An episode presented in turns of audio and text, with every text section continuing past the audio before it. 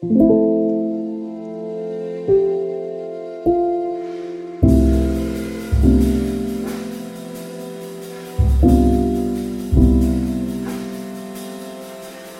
det att prata om allt? Är det till och med nödvändigt?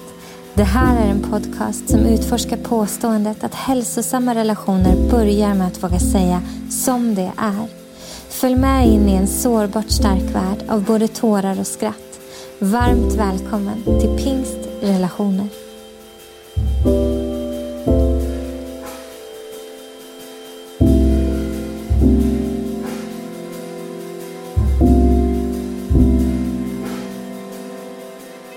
Hej alla lyssnare, varmt välkomna tillbaka till Pingstrelationer-podden. Jag är ju lite sen med detta avsnitt som den uppmärksamma har märkt och det beror helt och hållet på min egen logistik och planering och att när man packar massvis av ryggsäckar fulla med hjälmar och skidglasögon och underställ och kaffeapparater och allt vad det är så är det superbra att också packa med sig poddutrustningen. Annars blir det svårt att spela in ett avsnitt när man är uppe i Norrland och firar påsk. Det är vad som hände mig. Så avsnittet är sent, det beror på mig. Eh, men nu är vi här och vi ska fortsätta den här serien som vi är i gällande psykisk ohälsa, psykisk hälsa, emotionell och relationell hälsa och allt vad det kan vara. Vi kommer idag att prata om du som går bredvid, att vara närstående. Och anledningen till att vi kommer att prata om det är att kanske den vanligaste frågan jag brukar få när jag, när jag pratar om det här. Både när jag är ute i församlingarna men också när jag har föreläst i olika sammanhang och mejlen sen kommer in efteråt. brukar handla om frågor som rör den som är närstående. Och så har man frågor kring hur kan jag tänka i den här situationen? Vad, vad har du för tips i det här? Vem kan jag prata med? Vem kan, jag, vem kan hjälpa mitt barn? Och, um, när det kommer till suicid och suicidrisk och sådana saker så finns det mycket frågor. Och då tänker jag mig att vi tar ett, ett avsnitt som vi dedikerar till att försöka, eh, ja, men försöka prata lite om några viktiga steg och några viktiga processer när det kommer till att vara den som är närstående, den som står bredvid, att vara anhörig, att vara förälder, att vara kompis, att vara pojkvän eller flickvän eller vad det nu kan vara till den som kämpar med sin psykiska hälsa. Den som inte eh, mår bra och den som kanske inte heller själv har hopp för sin situation. För det kan vara minst lika påfrestande för den som går bredvid som för den som, som kämpar. Det är tufft på olika sätt naturligtvis och, och fokus är ju alltid på den som är huvudpersonen för sin egen eh, situation. Men att vara förälder till ett barn som lider det är en riskfaktor i sig för att själv drabbas av psykisk ohälsa. Och att vara gift med någon eller tillsammans med någon eller har en bästa vän som, som eh, lider av psykisk ohälsa är en riskfaktor i sig för att själv hamna där. Och därför tror jag att det är viktigt att också våga prata om närstående perspektivet. Och ni vet ju att den här serien den blir ju så lång som den behöver bli så att vi hinner täcka in det som eh, ni inte tycker att vi har täckt ännu. Men idag skulle jag vilja fokusera utifrån att vara den som går bredvid. Vad det är att gå bredvid, vad det är att vara närstående. Vad har man för ansvar, vad har man inte för ansvar? Um, hur ska man förstå en persons situation och, och liksom visa den att man är där utan att ta ansvar eh, mer än vad personen gör själv över sin situation. För det är väldigt lätt att hamna i medberoende och det är väldigt lätt att hamna i situationer där man lovar att hålla saker hemligt som, som kan bli skadligt och riskabelt för personen. Eh, så vi, vi, har lite att, att, gå igenom idag. Och eh, jag kommer till min hjälp idag att använda mind.ses 10 punkter för dig som är närstående eller dig som går bredvid eller de, dig som lever med någon som mår psykiskt dåligt. För de har tio punkter med, med de tio kategorierna som egentligen summerar det här så väl att det finns ingen anledning att hitta på egna kategorier. Jag brukar alltid använda mig av de här tio tipsen och jag sprider den här pdfen eh, så mycket jag bara kan. Det är en otroligt bra sån här grej att sätta upp eh, ja, men, eh, i ungdomsverksamheten eller på mm, anslagstavlan där man befinner sig på arbetsplatsen, vad det nu kan vara, för att påminna sig själv om att det här är sånt som vi behöver ha lite koll på. Eh, för har vi en statistik som är så hög som den är och ifall att det här inte är ett de problem utan ett vi-problem, alltså människor som kämpar och lider. Och om vi liksom befinner oss i det här spänningsläget där vi inte ser alla genombrott och vi ser inte allting bli alltid toppen Eh, här och nu. Och vi behöver förhålla oss och kunna leva och relatera på ett bra sätt till oss själva när vi kämpar och till varandra när vi kämpar. Och om vi har den, det som jag har pratat om tidigare så många gånger, den faktorn att gemenskap och relationer, att inte känna sig ensam, att känna sig sedd och bekräftad och förstådd och validerad och mött i smärtan. Det är ett av de bästa sätten att också faktiskt kunna ta det där nästa steget för att få professionell hjälp, att våga söka sig till terapin eller psykologen eller ätstörningsenheten eller traumaenheten eller vad det nu är. Um, det, det, finns någonting i att bryta in i ensamhet och isolering och känslan av utanförskap. Och därför så är närstående perspektivet också väldigt viktigt ur ett, att faktiskt kunna ta det nästa steget. Vi har pratat om att smärta som bärs i grupp är så mycket lättare att hantera än smärta som vi bär själva. Och jag menar, Bibeln berättar ju för oss också i Galaterbrevet 6 och 2 så står det att vi ska bära varandras bördor. Att det i sig är liksom ett uppfyllande av vad Jesus har sagt. Um, och Det står också i Romarbrevet 12 och 15 att vi ska glädja oss med dem som är glada och vi ska gråta med dem som gråter. Och så kanske det vackraste som finns i Johannes 13, eh, 34-35 så står det Ett nytt bud ger jag er, att ni ska älska varandra. Så som jag har älskat er ska också ni älska varandra. Om ni har kärlek till varandra ska alla förstå att ni är mina lärjungar. Så det finns någonting i det här med att hjälpa varandra, att gråta med varandra, att älska varandra, att ge till och för varandra. Att, att liksom finnas där för varandra, att vara medvandrare som sprider Guds ljus och hopp runt omkring oss. Och Det är naturligtvis inte meningen att vi ska bära allt. Det är inte meningen att vi ska orka göra allt och vara allt för någon annan. Det är fullständigt orimligt. Men vi kan få vara medvandrare. Vi kan få vara en pusselbit i den som vi har runt omkring oss på resan till att den ska läka och må bättre eller få verktyg att hantera sitt mående. Och det är meningen att vi ska leva utgivande och tjänande och barmhärtigt och tålmodigt, milt och med ett perspektiv av att uh, det finns hopp, det finns liv, det finns ljus, det finns upprättelse, det finns till och med helande, det finns försoning. Och klara av att hålla den här balansen mellan att ibland så ser vi mirakel och upprättelse och läkanden här på jorden med hjälp av um, ja, men mirakulösa helanden med hjälp av sjukvård, med hjälp av terapi, med hjälp av psykologer, med, med eh, reglering av hormoner och kemikalier som är i obalans, med hjälp av allt möjligt så kan vi läka här på jorden. Men också ibland så se, ser vi det inte. Ibland så sker det inte. Och hur klarar vi då av att som närstående stå kvar, fortsätta älska, fortsätta vandra bredvid och inte låta um, definitionen av huruvida det är lyckat vara om det blir genombrott eller inte. Utan ibland så tror jag att det största miraklet av alla är medlidandets mirakel. Att faktiskt kunna vara kvar, våga stanna kvar med en annan människa i hennes smärta. Att våga sitta med någon och inte ha alla svar, inte ha alla lösningar, inte kunna komma med de här fantastiska klämkäcka liksom, slutsatserna utan att våga lyssna Våga närma oss det som gör ont. Våga närma oss frågorna, ovissheten, tvivlen, oron, ilskan, rädslan och inte, och det här är så svårt, men att inte känna att vi måste vända den känslan. Utan faktiskt kunna säga Jag hör dig, jag ser dig, jag är med dig. Jag är så ledsen att det här gör så ont. Jag hör att det verkligen är smärta. Och jag är så ledsen att det här inte har vänt, att det här inte har löst sig, att jag inte bara kan radera det här. Jag är så ledsen att du lider.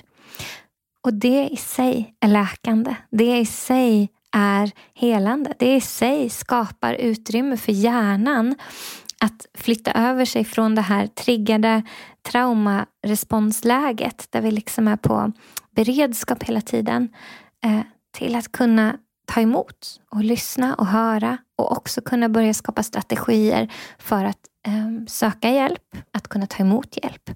Och Det här är lättare sagt än gjort därför att vi människor vill så gärna, i alla fall jag, laga och lösa och fixa och reparera och hitta fem snabba så att det är bra igen. Men människor är så mycket mer vackert och komplext ihopsatta än att det liksom löser sig med fem snabba. Vi behöver någonting annat. Vi behöver bli validerade. Alltså vi behöver bli... När vi delar det som gör ont så behöver vi få höra att den här känslan och den här smärtan, det här som du går igenom, det finns utrymme för det. Det har en plats. Du har en plats i det som gör ont. Och du får ta plats i din smärta. Du får ha en röst kring det som är din historia och du får sätta ord på det. Och jag vill lyssna. Vi får bli som vittnen till varandras smärta och orka och våga ta till oss och ta emot och höra det svåra. Att, att liksom, eh, vad ska man säga, Eh, låta det få finnas. Att inte skynda oss förbi det som gör ont för att komma till en hoppfull slutsats. Även om det naturligtvis är jätteviktigt att kunna peka på hopp och liv och ljus. Men allting har sin tid och det är inte tid när någon delar det som gör ont att direkt bara vända fokuset mot det som inte gör ont. Utan först måste vi människor, behöver vi människor bli mötta i smärtan. Vi behöver tåla att lyssna och vi behöver tåla att lyssna utan att döma. Att vi skyddar personens berättelse genom att inte värdera den när de delar det som är smärtsamt utan att ta emot och höra och säga jag hör dig, jag ser dig, jag är med dig i det som gör ont. Jag är så ledsen att du har gått igenom det här. Jag blir arg när jag tänker på hur du har blivit behandlad eller vad det nu kan vara. Och det är ju fantastiskt när vi orkar göra det. Men det orkar vi inte alltid. Och orkar vi göra det, orkar vi bevittna, att tåla, att våga och lyssna, stanna kvar, validera, bekräfta, möta personen, låta tystnad tala. Eh, låta kroppskontakt, om det går, vara en läkande faktor. Att tid och tålamod, såklart på personens egen Eh, e- personens egen takt med personens egna gränser och definitioner av vad den behöver som utgångsläget. Då kan vi också vara en faktor för ett läkande, för att våga söka hjälp, för att kunna ta ett nästa steg, för att få hopp för en till dag. Och i det inte bara med bibelorden och inte bara med låtarna vi skickar och inte bara med eh, bönerna vi ber. Allt det är superviktigt och det ska vi göra, tycker jag i alla fall. För jag tror att det är jättebra. Men inte bara i det, utan när vi sitter och tar emot och orkar höra, orkar lyssna, orkar stanna kvar, orkar bevittna och möta det som har hänt eller det som personen kämpar med, det som personen känner och upplever, tänker. Um, då visar vi också på Guds kärlek. För vi är närvarande. Vi kan inte, inte alltid ge personen det som de vill ha eller det som de eh, kämpar med. Vi kan inte alltid ge dem en snabb lösning eller att det här bara ska vara över eller om de har förlorat någon eller vad det nu kan vara. Men vi kan alltid ge dem vår närvaro, vår närhet, vår, vår tid och vårt tålamod och vårt lyssnande. Och det i sig är att visa på Guds kärlek. Det är jätte jätte, jättevärdefullt. Så att lyssna, att stötta, att uppmuntra, att ha tålamod, att hålla om, att skapa förutsättningar för värme, vare sig det är varm dryck, att uppmuntra till en varm dusch eller hämta en filt eller att med din egen um, närhet, eh, omfamning ifall att det är någonting som känns tryggt för personen, att finnas där. Men att också låta tystnaden, alltså medlidandets mirakel, att, att vara närvarande och inte inte lösa utan bara finnas där och säga jag är här med dig i det som gör ont. Jag är så ledsen att du kämpar. Jag kommer inte lämna dig. Jag finns här. Det i sig är otroligt hjälpsamt för den som kämpar. Och sen att läsa på eh, så att den som mår dåligt inte behöver förklara hur det känns och hur det funkar för mycket. Till exempel när det kommer till ätstörningar. Att, att inte behöva förklara mekanismerna eller processerna eller varför man känner och upplever saker som man gör. Utan att läsa på, det kan hjälpa jätte, jättemycket. Um, Även om såklart ett visat intresse för måendet är någonting värdefullt så kan det vara bra att själv ha koll. För då kan du fråga, inte utifrån att du behöver bli utbildad utan ifrån att du vill utforska hur det känns specifikt för den personen. Då kan man säga, men jag, jag har förstått att eh, ångest kan kännas som en stark känsla av obehag. Eh, är det så för dig? Då, då är det inte, förstår ni skillnaden? Då är det inte att du frågar hur känns ångest Eh, och, och liksom begär av personen att den ska kunna sätta ord på det och förklara på ett sätt så att det blir begripligt för dig. Utan du visar att jag har, jag har kunskap om det här. Jag har läst på, jag har satt mig in i det här. För du är viktig för mig och det är viktigt för mig att förstå. Men jag undrar också om det här som jag har läst, gäller det för dig? Eller hur känns det för dig? Upplevs det annorlunda för dig? Så det var en alldeles för lång inledning. Eh, och tydligen så ville jag egentligen prata om eh, validering och bekräftande samtal och inte de här punkterna. Så nu måste jag gå vidare. Så på mind.se så finns det en jättebra 10-punkts pdf som handlar om det här är bra för dig som går nära någon som mår dåligt att ha koll på. Och jag kommer gå igenom de 10 punkterna nu. Då är det den första punkten, den heter så här. Gör någonting nu. Du kan rädda liv genom att våga fråga hur någon i din närhet mår. Har du sett ett förändrat beteende så finns det sannolikt en anledning. Um, och Det här är så enormt viktigt därför att ibland så tänker vi oss att vi inte ska göra någonting. Vi ska inte fråga, vi ska inte lägga oss i, vi ska inte börja gräva i det om vi inte också känner oss 100% trygga med att vi kan svara och lösa och, och liksom ordna alltihopa. Lite det jag var inne på innan. Men det är lite grann precis tvärtom. Att när vi gör det då begränsar vi utrymmet för empatin och, och närvaron att få vara fullt tillräckligt. Alltså om vi tänker att vi måste vara Eh, psykoterapeuter eller utbildade själavårdare eh, eller super, superkunniga kring suicid innan vi vågar fråga. Eh, då kan det snarare bli så att vi aldrig frågar. Men om vi tänker att bara att ställa frågan, att säga men jag har märkt att eh, de senaste gångerna som vi har sett så har du verkat ledsen eller jag har sett att du, ehm, ja, men du drar dig undan snabbt. Är det någonting som händer och pågår i ditt liv? Finns det någonting som skulle du vilja dela med mig så är jag här och vill lyssna. Och då är det ju viktigt att säger vi det, att vi också på riktigt är närvarande och kan ta emot och vill lyssna. Vi behöver inte kunna lösa det de delar. Vi behöver bara vara närvarande och eh, visa med vårt intresse att vi bryr oss. Vi behöver inte ha svar på deras frågor. Vi behöver bara skapa utrymme för att deras frågor är okej. Okay. Och nummer två, eh, var medveten om dina reaktioner. Och den här är jätte, jättevanlig att man eh, snubblar lite på. Jag har snubblat på den jättemycket. Speciellt eftersom jag är en ganska extrovert och expressiv person så har jag historiskt sett snubblat på den här ganska ofta faktiskt gett en reaktion som jag tror ska matcha hur mycket jag bryr mig. Men det har lätt då blivit en alldeles för stor reaktion när någon har delat någonting. Så de senaste tio åren och framförallt de senaste fem åren så har jag övat mig själv på att verkligen eh, hålla tillbaka.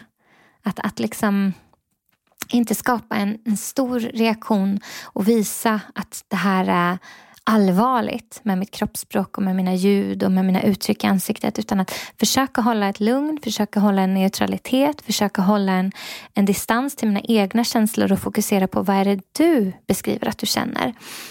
Um, det är väldigt vanligt att man blir rädd eller att man får en liksom, impuls att, att um, men det här är för jobbigt, det här kan jag inte ta in. Liksom. Man kan reagera på väldigt olika sätt. Uh, man kan känna att man Oj, är det sant? Oh, oh, vill, vill visa att det här är så hemskt det som du berättar och tror att det hjälper. Eh, men, men det är viktigt att man inte reagerar så mycket så att ens egen reaktion tar över berättelsen som, som vi får delad till oss. För det är inte ens säkert att det som delas initialt är det som är de, det som personen faktiskt skulle behöva prata om.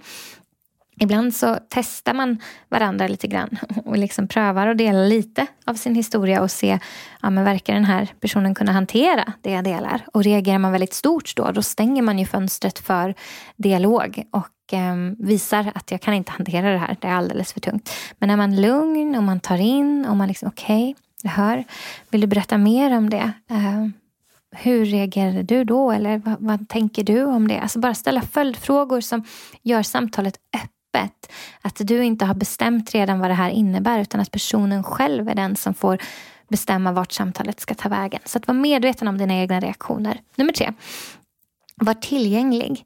Ehm, att spendera tid tillsammans med personen och visa omsorg och omtanke. Att ställa raka och tydliga frågor för att liksom klarlägga situationen. Um, vill du berätta mer? Jag har tänkt på att du ibland ser ledsen ut.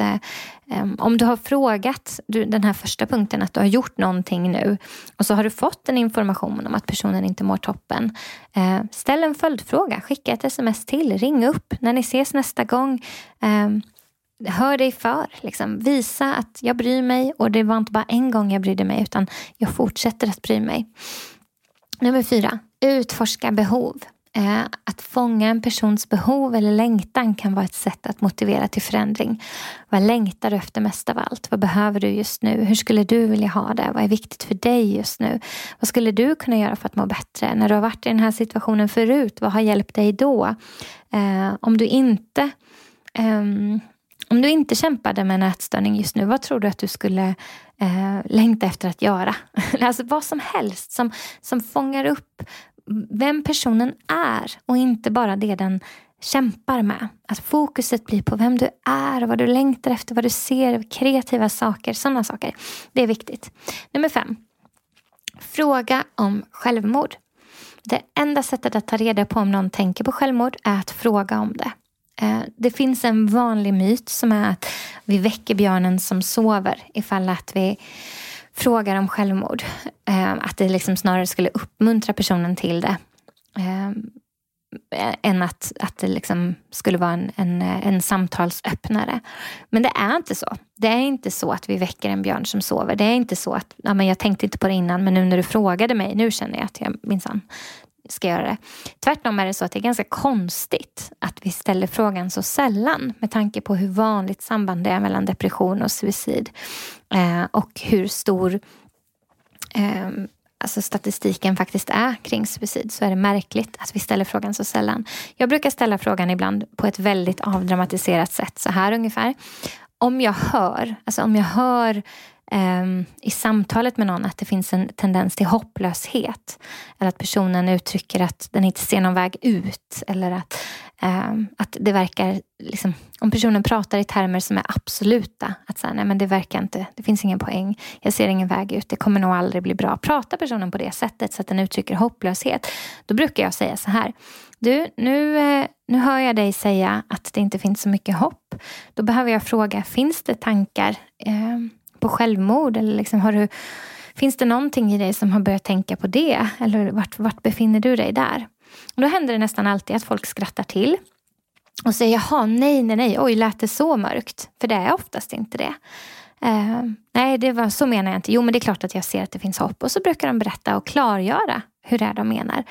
Och det kan vara skönt för dem själva också. Att få berätta och få bekräftat för sig själva att nej, det tänker jag inte på. Nej, jag vill leva. Nej, jag, där är jag inte. Men ibland så har det hänt att folk säger Ja, men alltså inte att jag tänker på det och planerar men när det är riktigt tungt då, då kommer tanken att det kanske vore bättre om jag inte fanns. Och då har man ju hört, då är inte personen självmordsnära men det finns suicidala tankar. Och då är det väldigt viktigt att fortsätta följa upp, att kontrollera säkerheten, att ställa frågan igen och att inte göra överenskommelser om att självmordstankarna ska vara en hemlighet utan snarare försöka expandera eh, gruppen runt personen, skyddet, nätverket kring personen så att man är fler som står tillsammans, så att det finns fler att höra av sig till och att det finns fler som kommer ställa frågan, att det finns fler som kan visa att de bryr sig, att de finns där och att vi tillsammans lite som en flock kan, kan eh, eh, hjälpa till att bära den smärtan. Det är väldigt viktigt. Och Nummer sex då, att kontrollera säkerheten om någon uttrycker tankar på att ta sitt liv så är det viktigt att vi vet hur allvarliga tankarna är, hur långt de har gått. Liksom. Finns det en planering? Hur länge har det gått med de här tankarna? Eh, våga ställa frågor i det. Man kan säga okej, okay, men har du tänkt ut hur och när? Alltså har du börjat planera någonting kring eh, att ta ditt liv? Eh, vad finns det för hjälp runt omkring dig? Vem, vem hör av dig till när du går med de tankarna? Eh, skulle du vilja att jag hjälper dig att komma i kontakt med någon? Um, hur kan jag hjälpa dig? Hur kan jag vara ett stöd för dig? Det är viktigt att vi inte lämnar människor som är självmordsnära ensamma. Jag menar, är det akut, alltså är det en akut situation, då ringer vi 112. Men är det inte en akut situation men det finns en risk att det kan bli en akut situation. Då behöver ju vi, vi som har fått ta del av informationen veta vad finns det för förutsättningar runt dig så att du kan vara trygg. För jag bryr mig väldigt mycket om dig. Vad kan jag göra för dig? Och då är det bra om vi har lite förslag på vad man kan göra. Vill du att jag ska Ja, det är i och för sig nästa punkt, så den ska jag inte gena till. Vi går till den istället. Nummer sju, prata om nästa steg. Um, och då, då, är det lite det här, vad kan vi göra nu när vi har den här informationen? Nu när du har delat hur du mår, nu när du har delat Ehm, att det faktiskt finns de här tankarna. Vad kan jag göra för att hjälpa dig? Vill du att jag följer med dig? Bokar en tid tillsammans med dig? Skulle du vilja att jag eh, följde med dig och pratade med dina föräldrar? Finns det någon annan trygg vuxen i din närhet? Ehm, vill du att jag hjälper dig att komma till en ätstörningsenhet? Skulle du vilja ha mitt stöd i att du XXY, vad det nu kan vara. Ehm, att vi liksom tar reda på vad skulle kunna vara ett första steg vidare. Och då är det viktigt att personen själv eh, får sätta ord på vad den vill. För det den vill kanske inte är vad vi tänker är det naturliga nästa steget. Mitt nästa steg kanske skulle vara så här, nej men jag, jag vill att vi ska direkt boka in dig hos en terapeut, någon som är professionell, en psykolog, en psykiater, någon som kan det här professionellt. Eh, så att inte du och jag bara sitter här och pratar om det utan att någon som vet vad de gör. Men ett första steg för personen själv kanske skulle kunna vara, men jag kanske vill ehm, skulle vilja ha hjälp att formulera det här till min man. Eller jag skulle vilja ha hjälp att sätta ord på det här till min mamma. Eller jag skulle vilja ha hjälp att um, skriva ner lite. Alltså det kan vara vad som helst som inte alls känns som det där steget som vi hoppas på. Men som vi hela tiden får fortsätta uppmuntra till. Men vi kan inte tvinga människor att söka hjälp. Men jag tycker att vi ska uppmuntra dem att gå och prata med någon. Och att vi ska uppmuntra dem att gå och prata med någon som är professionell jag tror väldigt mycket på själavården och tror att den är helt fenomenal. Men just när det kommer till suicid eh, så tycker jag och tror att själavårdare ofta också refererar till professionella psykologer och terapeuter. Just för att ja, det, det, är så allvarligt och det är så viktigt att det blir korrekt hjälp. Så kombinationen själavård och terapi skulle kunna vara alldeles strålande. Men, men att människor behöver få komma till eh, proffs som vet vad de gör. Eh, så nummer åtta är att förmedla hopp. Därför att tankar på självmord eller depressiva tankar eller eh, ångest eller panikattacker eller vad det nu skulle kunna vara. Att gå runt med en, en stor stresskänsla, stor orosbörda, att inte kunna sova ordentligt. Vad det nu kan vara. Det är inga saker som bara försvinner av sig självt oftast. Eh, utan det behövs lite tid, det behövs kanske förändringar i livet. Ibland så behövs det eh, kemikalier eller hormoner som regleras. Det kan behövas att livssituationen eh, på olika sätt förändras. Eh, det kan också behövas att ibland miljöombyte eller att relationer liksom, eh, läker. Alltså det kan vara så, så, så mycket. Um, och det krävs alltid tid och närvaro av människor som älskar en och som stannar kvar med en i det som gör ont. Så att, att inte känna sig ensam. Att, att liksom, eh, det finns någon där som påminner mig om att det finns hopp och påminner mig om och frå fortsätter fråga mig men hur går det med, hos din terapeut. Blir det något bra samtal? Är det jobbigt? Är det tungt? Liksom, berätta, jag är här, jag lyssnar. Visa engagemang och en vilja att förstå. Och ibland så får vi vara det där ställföreträdande hoppet för någon när de inte har det själva. Vi får säga till dem att men jag hör dig. Jag hör att du säger att du inte ser något hopp och någon utväg och att det här aldrig kommer ordna sig. Men jag vill att du ska veta att jag har hopp för dig. Och när jag tänker på dig så ser jag en framtid där du eh, blomstrar. Där du inte är fast i det här, där du inte kämpar med det här. Jag ser en framtid där det finns liv och det finns ljus i din eh, vardag. Där du älskar dig själv och där du ser på dig själv um, mer likt hur vi ser på dig. För vi ser på dig så här. Och bara, du vet, var hoppfull, var någon som förmedlar att det finns en annan verklighet. Och nummer nio, stanna kvar. Uh, eller sa jag den? Blandade jag lite grann ihop åttan och nian? Förmedla hopp och stanna kvar. Ja, jag kan ha gjort det. Men nu, först har vi åttan, det är förmedla hopp. Eh, viktigt att vi påminner om hoppet och att, att eh, det finns en annan framtid och att stanna kvar, att fortsätta vara där för personen, det är viktigt. Eh, det är viktigt att familj, vänner och andra viktiga personer finns kvar på ett aktivt sätt runt en person som mår dåligt. Och nu då, nummer tio. Du som hjälper någon som inte orkar leva eller som inte mår bra eller som inte klarar av att ta hand om sig själv på ett bra sätt behöver se till att ta hand om dig själv.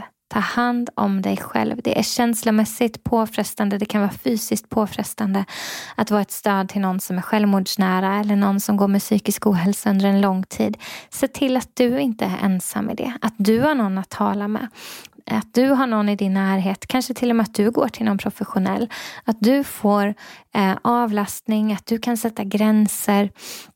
Och att du också är ett föredöme i hur man lever hälsosamt. Det vill säga, jag kan sätta gränser, jag kan säga ja, jag kan säga nej, jag äter, jag sover, jag rör på mig, jag gör roliga saker, jag jobbar inte för mycket utan jag jobbar lagom mycket, jag har fritid, jag fyller på med vatten, jag tar hand om min kropp, jag tar hand om mitt hjärta. Att du visar med hur du lever att vi får ta hand om oss själva. Ibland så har jag pratat med föräldrar som har tonåringar hemma som mår dåligt och som, som kämpar med den här känslan av att hur ska jag kunna liksom skratta och dansa och lyssna på musik och vara glad och hålla på med mina hobbys när mitt barn lider. Och då brukar jag alltid säga det är precis för att ditt barn lider som du ska göra det. Och då menar jag inte att vi ska sluta bry oss om våra barn och bara dra iväg på konserter. Men jag menar att i vardagen, i livet, är det viktigt att den som kämpar får ha människor runt omkring sig som är friska, som är hälsosamma, som tar hand om sig själva, som är föredömen i vad det är att leva ett, ett liv i psykisk hälsa. För att det är det som man längtar efter. Man längtar efter att se, skulle det se, kunna se ut? Kan man vara lycklig? Kan man vara fri? Kan man faktiskt älska sig själv? Kan man må bra i sin kropp? Och vad det nu kan vara. Så att fortsätta ta hand om sig själv trots att du har någon i din närhet som kämpar, det är en jätteviktig grej. Och det är viktigt att komma ihåg att i samtal med någon som mår dåligt behöver vi tänka på att vi har inte ansvar för den personens känslor och mående eller agerande. Men det är genom att lyssna och bekräfta utan att vara dömande eller upprörda, utan att ge kritik eh, som vi kan göra skillnad bara med vår närvaro. Så vi tar ansvar för våra egna hjärtan och vi stöttar varandra. Vi är medvandrare till varandra. Vi låter medlidandets mirakel leda oss. Men vi tar inte ansvar för huruvida en annan person Eh, väljer det som är hälsosamt eller inte. Men vi slutar heller inte uppmuntra dem och tro på dem och hoppas för dem. Ehm, ja, men jag tror jag stannar där idag. Vi fortsätter om ett litet tag igen. Den 15 kommer nästa avsnitt. Tusen tack att du har lyssnat. Och jag ser fram emot att mötas snart igen.